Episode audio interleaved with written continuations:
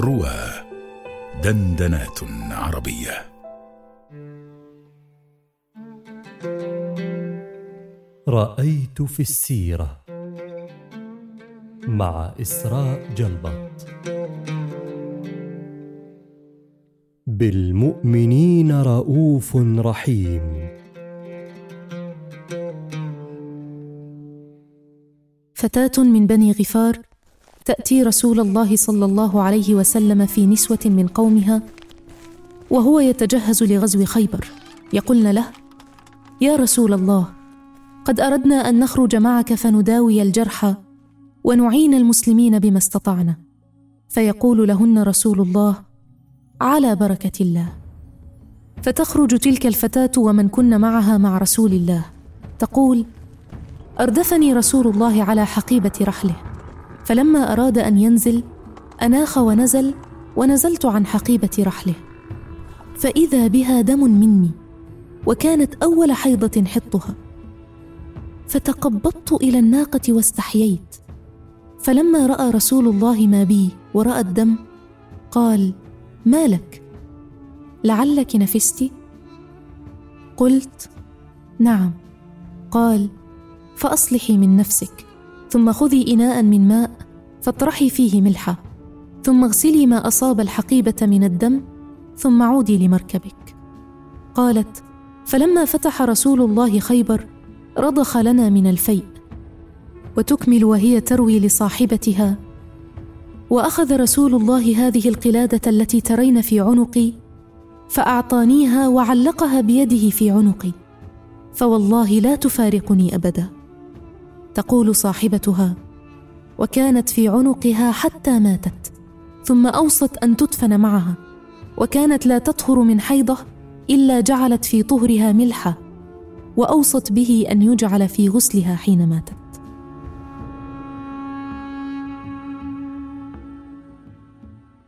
وأنا حين أمر على هذه القصة لا ألتفت لما يذيلها به بعض المؤرخين إذ يستدلون بها على حرص المرأة على المشاركة في الجهاد. ولا أجد ذلك أبرز ما فيها فمن أراد أن يستدل على ذلك قد يجد قصة أم عمارة رضي الله عنها في غزوة أحد أو قصة صفية بنت عبد المطلب في غزوة الخندق مثلا. أكثر وضوحا في ذلك إذ كان دور المرأة فيها جليا ومؤثرا في تغيير الأحداث. لكن هذه القصة تحديدا تلفت نظري إلى شيء آخر.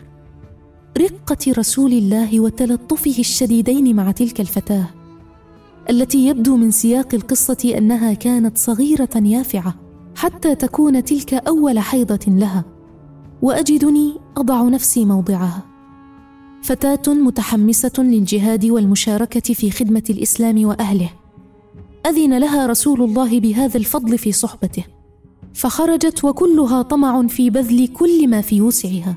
ثم يحدث ما يجعلها تستحي كونها بين الرجال ويجعلها ولو لفترة قصيرة عبئا على الجيش ومن فيه بدلا من أن تكون عونا له. لو كنت مكانها لما استطعت أن أري رسول الله وجهي. لكنه صلوات ربي وسلامه عليه. قد أحس بما في نفسها فهون عليها ورفق بها وعلمها.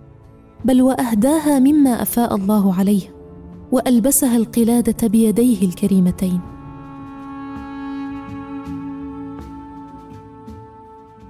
ولست بحاجة هنا لذكر أمثلة على استهزاء بعض الناس وإنكارهم أحيانا على من يسعين لخدمة الإسلام من بنات آدم ويقولون إن بيوتهن خير لهن دون نظر إلى سياق الحال والمكان والزمان.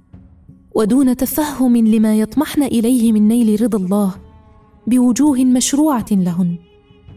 ووالله إنه لجدير بتلك الفتاة أن تحفظ تلك القلادة بما فيها من أثر النبي فتدفن معها وأن تعمل بوصية رسول الله لها في طهرها كلما أرادت أن تطهر حتى في غسل موتها. وأحسب أن هذه الواقعة لم تفارق وجدانها أبدا. بأبي أنت وأمي يا رسول الله. أي رفق وأي لين علمتنا إياه؟ إذ أكرمتها وعلمتها وثمنت نيتها وتلطفت بها يا حبيبنا وسيدنا.